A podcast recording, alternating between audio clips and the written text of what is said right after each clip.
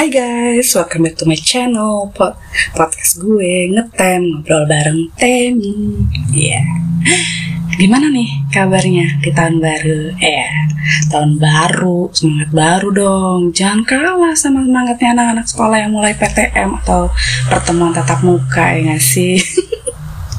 Gimana nih hari pertama kalian di kantor di tahun yang baru? Apakah udah dapat kerjaan yang baru nih?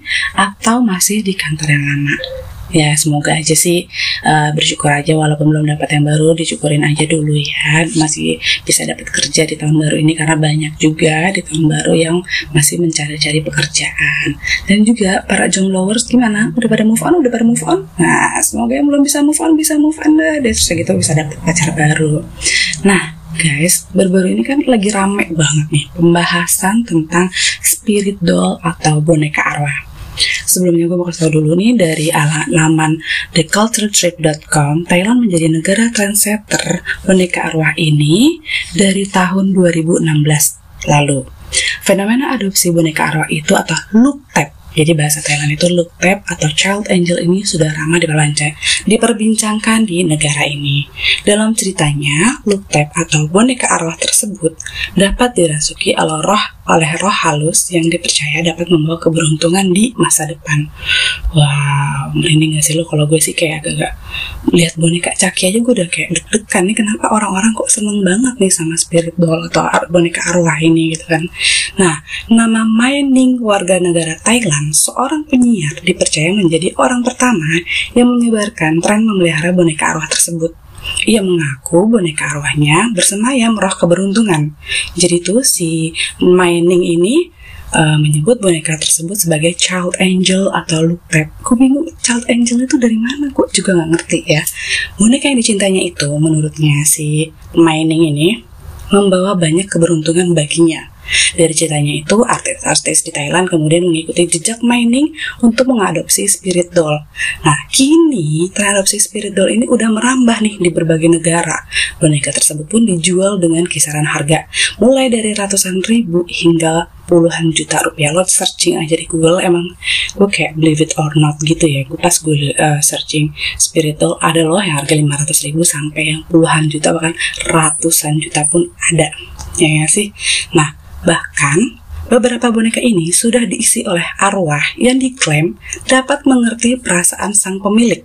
Kegunaan spiritual ini sebenarnya biasanya untuk melakukan meditasi atau menyembuhkan trauma mendalam bagi seseorang. Ya mungkin dia kayak eh, nggak uh, percaya sama orang gitu kali ya. Jadi kayak kalau gue lihat ada di salah satu YouTube channel artis tuh ya. Dia tuh kayak katanya kalau misalnya punya spirit doll ini dia ngerasa ketika berbicara dengan si spirit doll ini dia ngerasa lebih dipercaya. Kenapa? Karena mereka nggak akan bisa ngomong sama orang ya iyalah mau ngomong ke siapa? Ya sih? Dibanding katanya kalau manusia itu uh, bocor gitu kayak kadang kita suka kayak eh jangan cerita siapa siapa ya tapi bocor juga ke mana-mana gitu. Mungkin dia mungkin traumanya dari situ kali gue nggak ngerti juga nih kayak gimana ya gak sih? Nah bahkan Beberapa boneka ini sudah diisi oleh arwah yang diklaim dapat mengerti perasaan semua pemiliknya. Ya sih, yang tadi gue bilang tadi, kegunaan spiritual ini biasanya untuk melakukan meditasi atau menyembuhkan trauma mendalam bagi seseorang. Menurut pembuat bonekanya, itu Julia English di situs miliknya, Scared Familiar, boneka arwah digunakan sebagai cerminan diri sang pemilik. Boneka orang itu bisa menjadi cermin atau jembatan ke diri Anda yang mungkin tidak bisa Anda ekspresikan. Tulis si Julia ini. Boneka tersebut pun bisa menjadi teman yang sesuai dengan keinginan sang pemilik. Aduh, gua agak ngeri kalau misalkan yang pemiliknya itu suka marah-marah. Itu si bonekanya juga suka marah-marah gitu kali ya. Gua, aduh, agak ngerti nih. Kata dia, dia adalah seorang teman dan semakin banyak waktu yang Anda habiskan dengan teman ini, semakin Anda mencintai mereka. Mungkin Anda mulai menceritakan rahasia yang Anda simpan di hati dan tidak bisa dibagikan kepada orang lain. Dari uh, gue baca di bisnis.com ini, ya sih? Wah, gue agak mulai merinding nih guys. Jujur mana Jumat lah ya kan. Nah, fenomena boneka arwah ini kemudian menyebar ke Malaysia dan Indonesia nih di tahun 2019. Di Malaysia, fenomena memelihara boneka arwah juga sempat viral di media sosial setelah media The Star Malaysia mengangkat topik tersebut. Jadi tiga tahun setelah 2016 di Thailand, lalu lanjut di 2019 nih sampai menyebar ke tanah air setelah ada nama Furi Harun tampil di stasiun TV swasta yang membawa boneka arwahnya pada tahun 2019. Nah, menurut kolektor boneka arwah ini si Furi Harun ini, benda-benda tersebut itu bukan pesugihan. Menurutnya mereka adalah anak asuh dan tugas pemilik yang disebut orang tua asuh adalah membimbing, mengasuh, dan mendoakan mereka. Oke, okay. udah mulai agak kejanggalan di sini nggak sih? Jadi katanya kalau mau ingin mengadopsi spiritual ini perlu dia jelaskan ya bahwa boneka arwah ini bukan pesugihan. Dia tidak serta membuat kita kaya, beruntung, punya pekerjaan, dapat jodoh. Jadi dia ini hanya anak yang harus kita bimbing dan kita doakan supaya mereka dapat pulang ke Tuhan kata si Furi Harun yang dikutip di kanal YouTube-nya Was-Was berjudul Ngeri. Dan mengakukan selain Zesta juga ke Furi Harun ART-nya diganggu sama bonekanya tersebut. Karena kan udah udah mulai banyak nih artis-artis ya yang gue lihat kayak si Evangelista, si Ivan Gunawan, terus uh, siapa lagi tadi gue lihat ya ada lagi tuh baru tuh. gue nggak ngerti lagi sih maksud gue ini orang-orang pada mau child free jadinya lari ke boneka atau gimana gitu ya? Gue gak ngerti jadi menurut si Feri Harun ini juga mengadopsi spiritual tidak boleh dilandasi maksud dan tujuan yang negatif. Karena boneka arwah bukan pesugihan. Feri Harun menegaskan bahwa boneka arwah uh, dia uh, bukan pesugihan.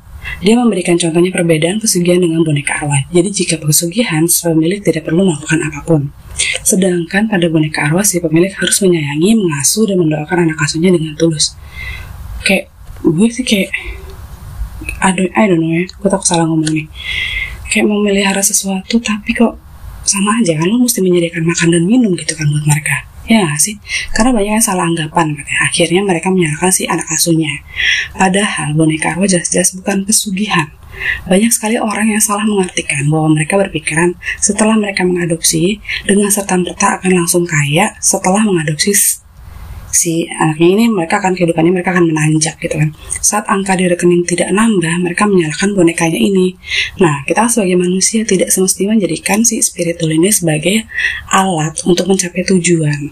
Mereka bukanlah alat untuk mencapai keinginan tertentu gitu. Jelasnya seperti dikutip di kanal YouTube-nya si Furi Harun itu yang berjudul sedih kembalinya boneka-boneka yang diadopsi. Jadi memang banyak salah kaprah ya eh, masyarakat masyarakat sekarang tuh menganggap kalau misalkan si spiritual ini tuh kayak membawa membawa keberuntungan, kemakmuran. Nah, kalau gue jujur sih ya, uh, gue sih nggak setuju, tetap tidak setuju ya karena kalau bukan untuk saya, tapi kenapa para artis banyak banget untuk mengadopsi para boneka-boneka ini gitu loh. Gue nggak ngerti sih karena sekarang kita bisa lihat dari segi agama. Kalau dari segi agama, agama udah pasti haram ya. Kalau gue lihat uh, ininya, jadi kenapa haramnya? Boneka ini termasuk patung yang diharamkan.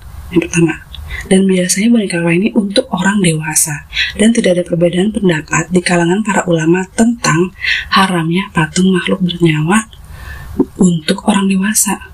Jadi intinya ya haram gitu loh. Nggak ada perbedaan pendapat haram. Kecuali kalau lo boneka memang untuk mainan aja tapi nggak usah lo isi macam-macam ya cuma untuk emang mainan anak lo aja gitu loh.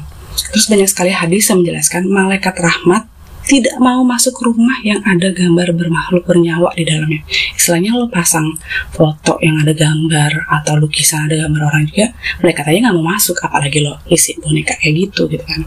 Nah kalau hadis tersebut berkaitan dengan gambar ber makhluk bernyawa, maka tentunya patung makhluk bernyawa jauh lebih tinggi keharamannya, lebih tinggi coy, tinggi haramannya. Ya gak sih? Nah, terus si boneka ini katanya telah diisi makhluk halus yang tidak lain adalah jin. Dan ini termasuk membeli sesuatu yang tidak terlihat. Ya si jinnya ini, gitu loh. Memberikan makanan dan minuman kepada boneka adalah tindakan mubazir. Benar juga sih kalau lihat. Lu kasih makan, minuman, terus abis itu gimana katanya? Abis kasih makan si boneka ini, uh, saripatinya hilang, udah nggak ada. Terus mau bazir kan? Jadi mau mau lo mesti makan gitu kan. Nah itu mereka lo menyanyiakan nikmat Allah Taala yang diharamkan. Belum lagi ada sisi ketidakwarasan dalam tindakan ini. Jadi daripada mereka kasih makan buat boneka atau patung ya ya lebih baik disedekahkan aja sih ke fakir miskin janda-janda atau anak yatim yang menurut gue kayak ya memang justru lebih membutuhkan gitu loh.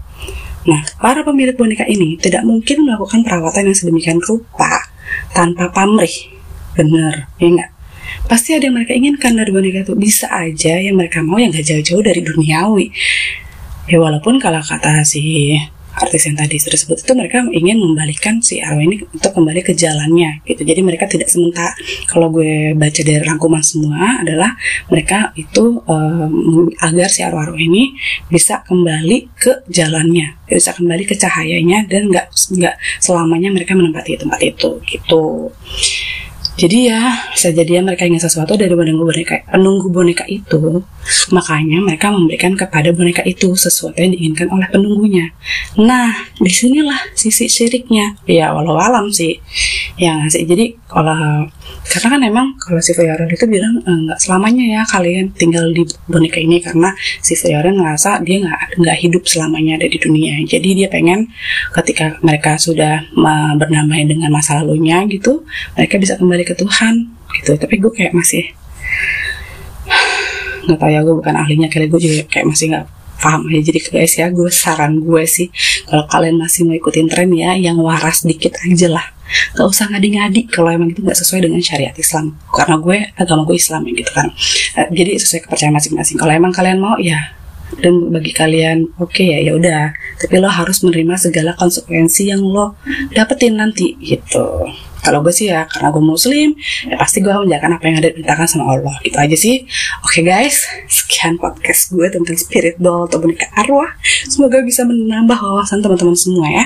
Jangan lupa follow ngetem di Spotify kalian supaya bisa dapat cerita update dari gue. Dan juga jangan lupa follow IG gue at temi28 semoga sehat-sehat selalu ya guys dadah bye bye